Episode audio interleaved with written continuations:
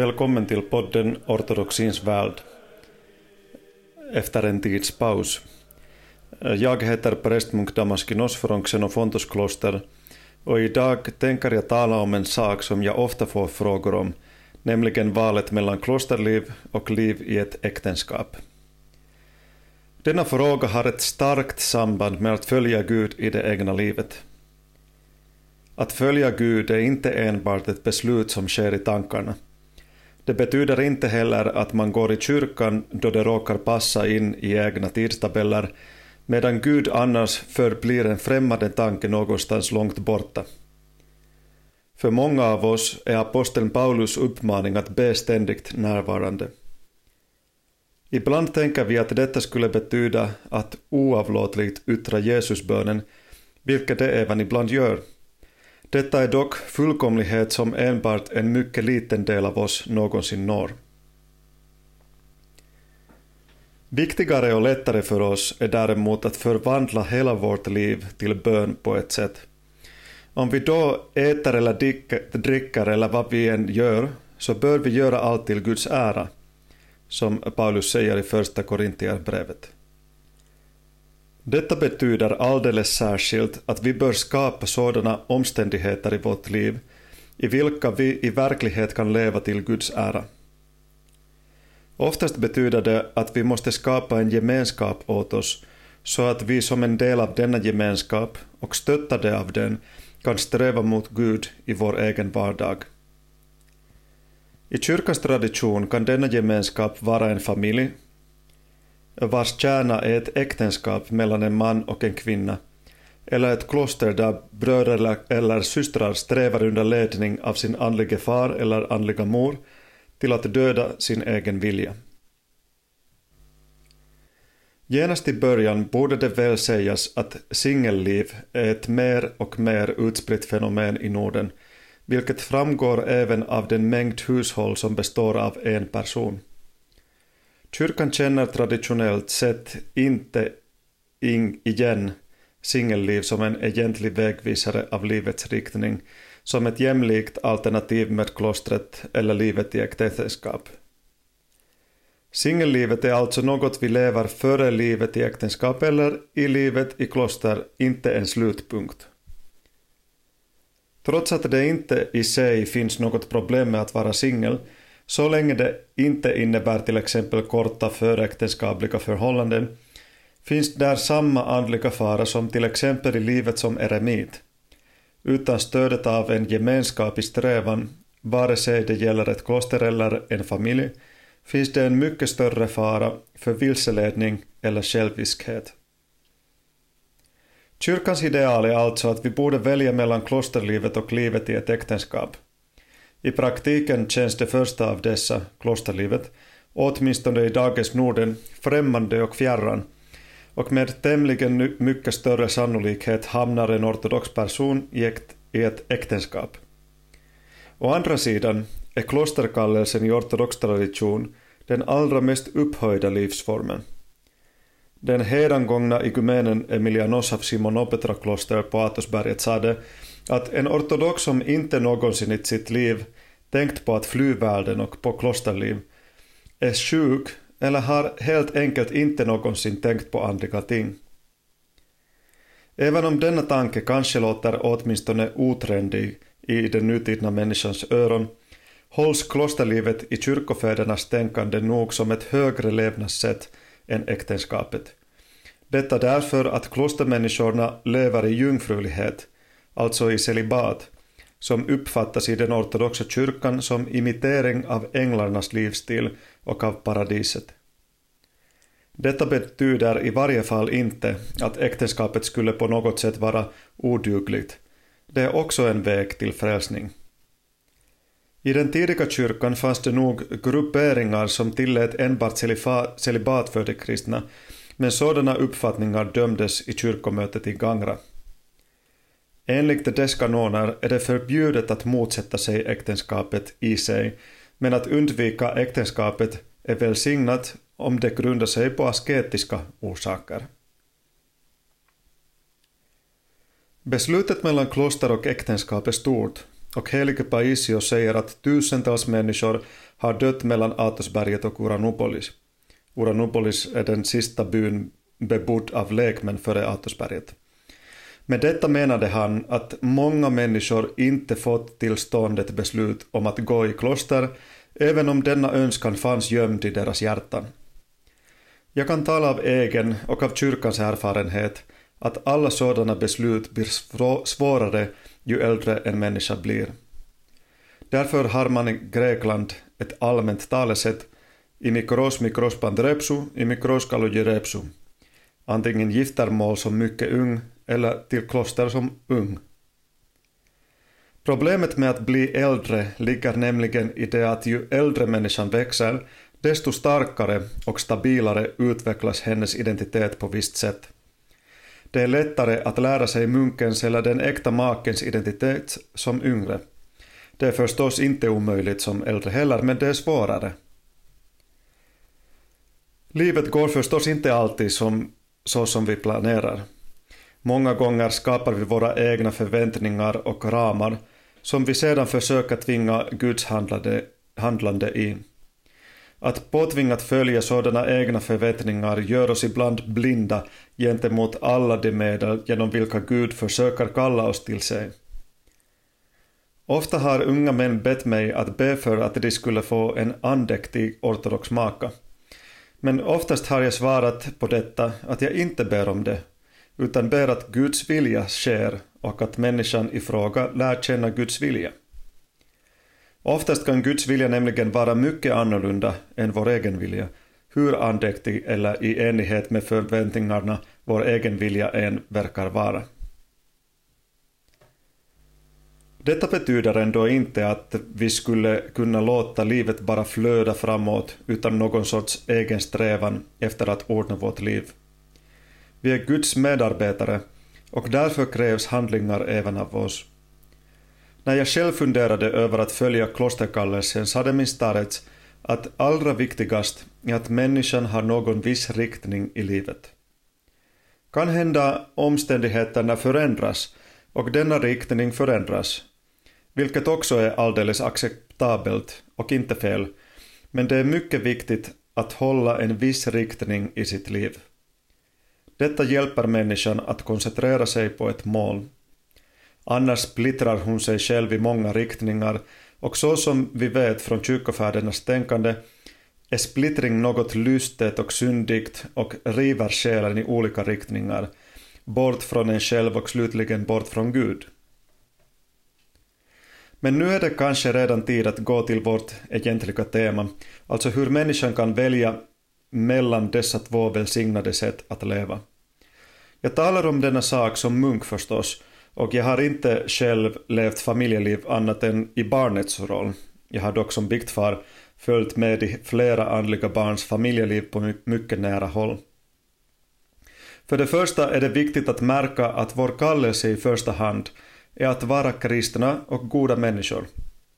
Många fäder säger därför att en god munk skulle vara en god äkta man och en god, god äkta man vore en god munk.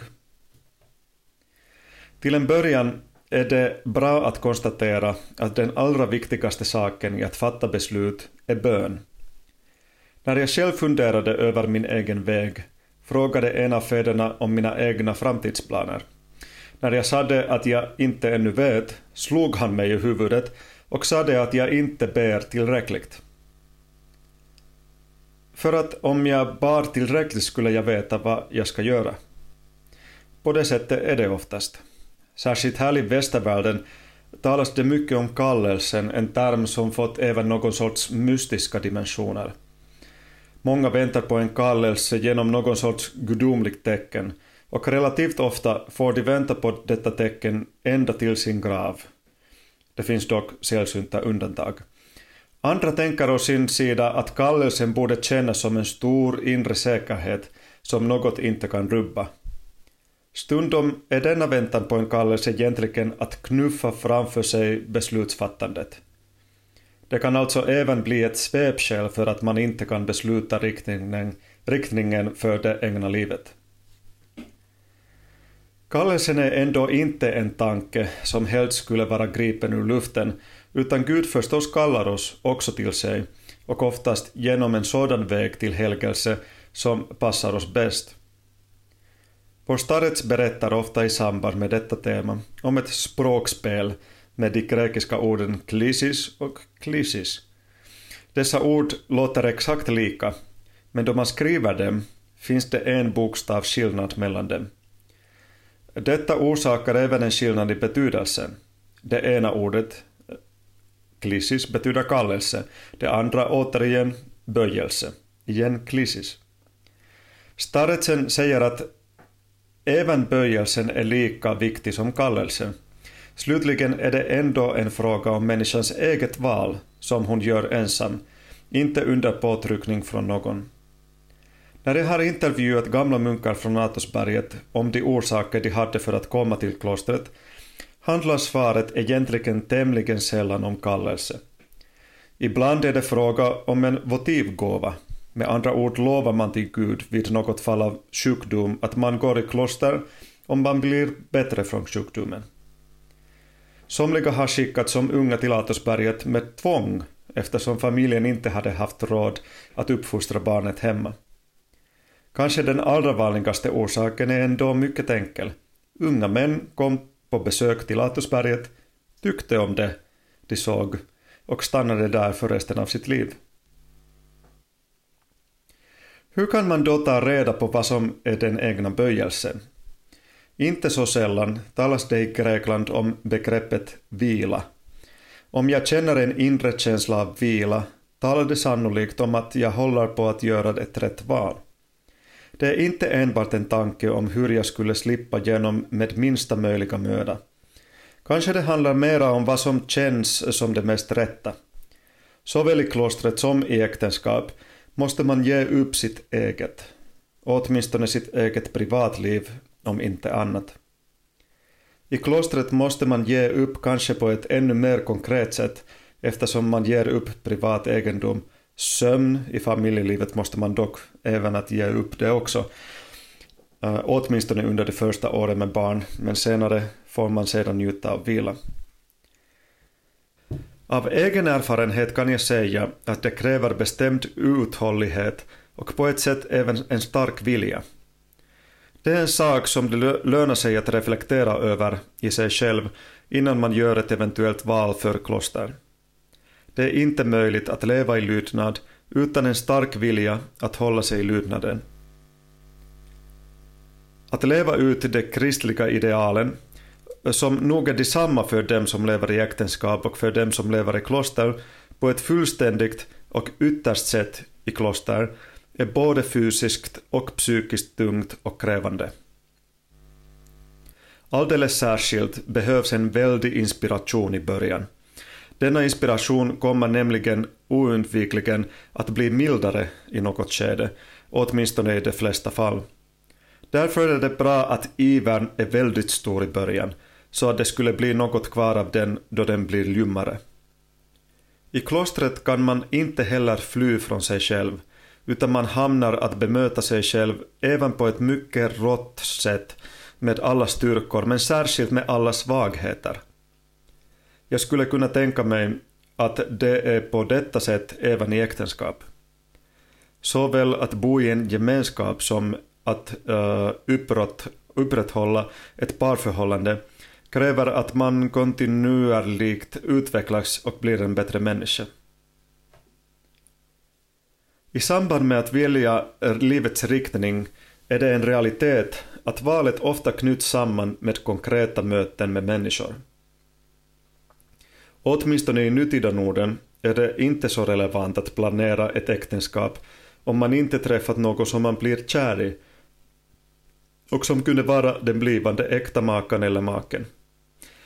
Då man träffar en sådan människa kan även många tidigare planer plötsligt förändras.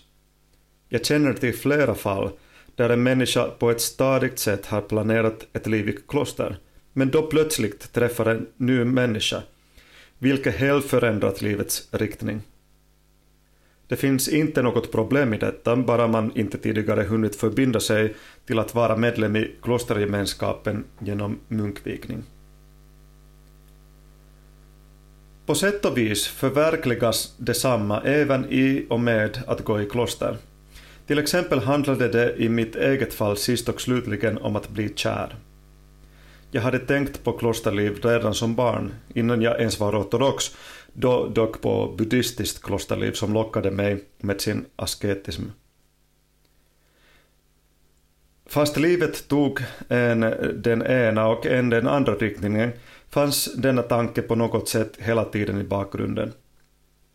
Den blev ändå konkret först då när jag for till Atosberget. Jag såg en mängd leende fäder som fick mig att förvånas över deras glädje. Jag hade inte någonsin sett så många lyckliga människor på samma ställe. Och ännu konkretare kom min kallelse fram då jag under min studietid i Grekland hamnade genom olika händelser som gäst i Xenofontos kloster en längre tid.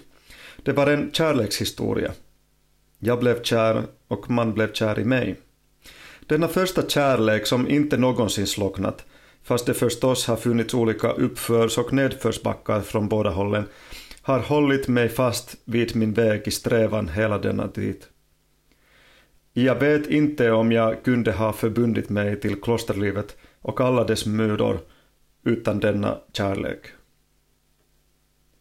Ja, handlade det en om äktenskap eller kloster kan man inte gifta sig med vem som helst eller gå till vilket kloster som helst. Som ortodoxa måste vi hela tiden ha som ett primärt mål att helga livet för Kristus. Därför borde vi, utöver att bli kära, även i den äkta makan eller maken se till det om vi kan bilda en kristlig familj och förbinda oss ihop i Kristus. Enligt kyrkans kanoner borde ortodoxa därför gifta sig enbart med, orto med ortodoxa, men nu för tiden tillåter alla lokalkyrkor i praktiken även äktenskap med kristna som tillhör andra kyrkor. Det finns ändå skäl att allvarligt fundera på denna ideal om en kristlig familj, om vi i vårt val kommer till äktenskapets väg. Familjer hör till kärnan av vår kyrkas kontinuitet. Föräldrarna har en väldigt viktig uppgift att uppfostra sina barn i ortodox tro för att garantera vår kyrkas kontinuitet. Det lönar sig att hålla i minnet dessa samma ämnen för funderingar då man väljer kloster och inte bara fara iväg till vilket som helst kloster. Det ska bildas ett visst känsloband till klostret, men även klostret ska vara ett ställe som leder just mig mot Gud på det bästa möjliga sättet. Detta är ofta även en individuell fråga. För någon passar det bättre att leva i strävan i en liten, avskild och tyst gemenskap, för en annan i ett livligt pilgrimsmål. För en kan det vara nyttigare att gå och fortsätta på klostertraditioner på ett ställe där allting finns så att säga färdigt, medan en annan kan fara till större nytta i att skapa ett nytt ställe för strävan. För dem som bor här i Norden kan valet av ett lämpligt ställe för sin strävan i vissa fall betyda att fara utomlands, och därför finns det finländare i kloster, kloster även utomlands, inte bara här i finska kloster. Detta kan också innebära en egen andlig nytta. Ökenfäderna betonar ofta dygden av främlingskap. Det är bra att vara munk på främmande land. Även Helge Paisios rådger unga som är intresserade av kloster i valet av kloster i sina brev. Han befaller att man ska fästa uppmärksamhet på klostrets klimat, men allra särskilt på den blivande andliga handledaren. Denna andliga handledare ska vara en dugdig människa, men samtidigt varnar Paisios att helighet inte är något som nödvändigtvis syns genast utåt, till exempel genom ett långt vitt skägg eller ett smalt asketiskt yttre. Även en rund man med kort skägg kan vara en utomordentligt bra andlig handledare och helig. Ofta förblir heliga människor nämligen lätt obemärkta av oss. Själv skulle jag även betona just betydelsen av valet av andlig handledare i valet av stället för strävan. Handledaren ska vara en människa i vars händer man kan förlita sin egen själ. Längs detta avsnitt har jag kommit med några kanske fragmenterade tankar om att göra ett val, men i slutet skulle jag ännu en gång betona att det verkligen handlar om ett val. Ingen kan göra detta val för oss och inte ens Gud vill göra detta beslut för oss.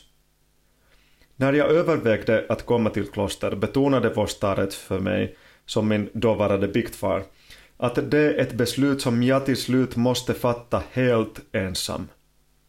Man kan dock be om hjälp och stöd av biktfadern i att fatta beslutet, men då när vi blir munkvigda blir vi frågade om vi kommer till vigningen fullständigt av vår egen vilja utan någons påtryckning. Även in i äktenskapet går vi naturligtvis av vårt eget val.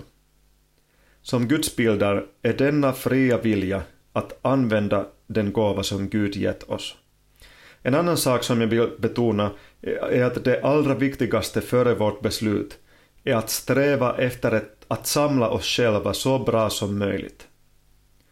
Genom valet av sättet att leva kan man inte fly från sig själv, utan man kommer snarare genom en annan människa eller genom klostergemenskapen att möta sin egen spegelbild i all sin skönhet eller fulhet genom sin livskamrat eller livskamrater.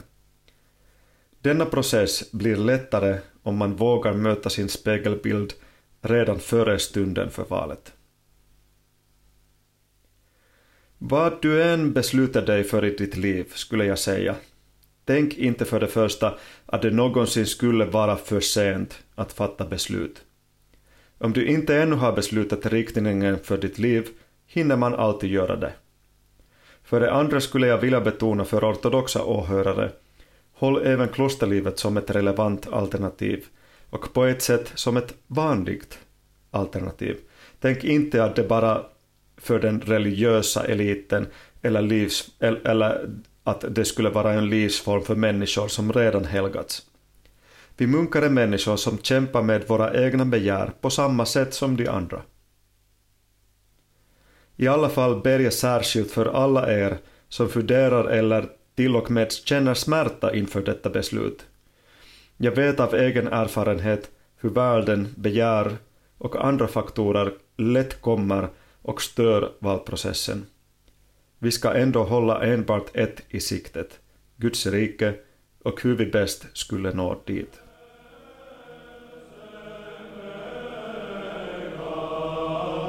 Yeah.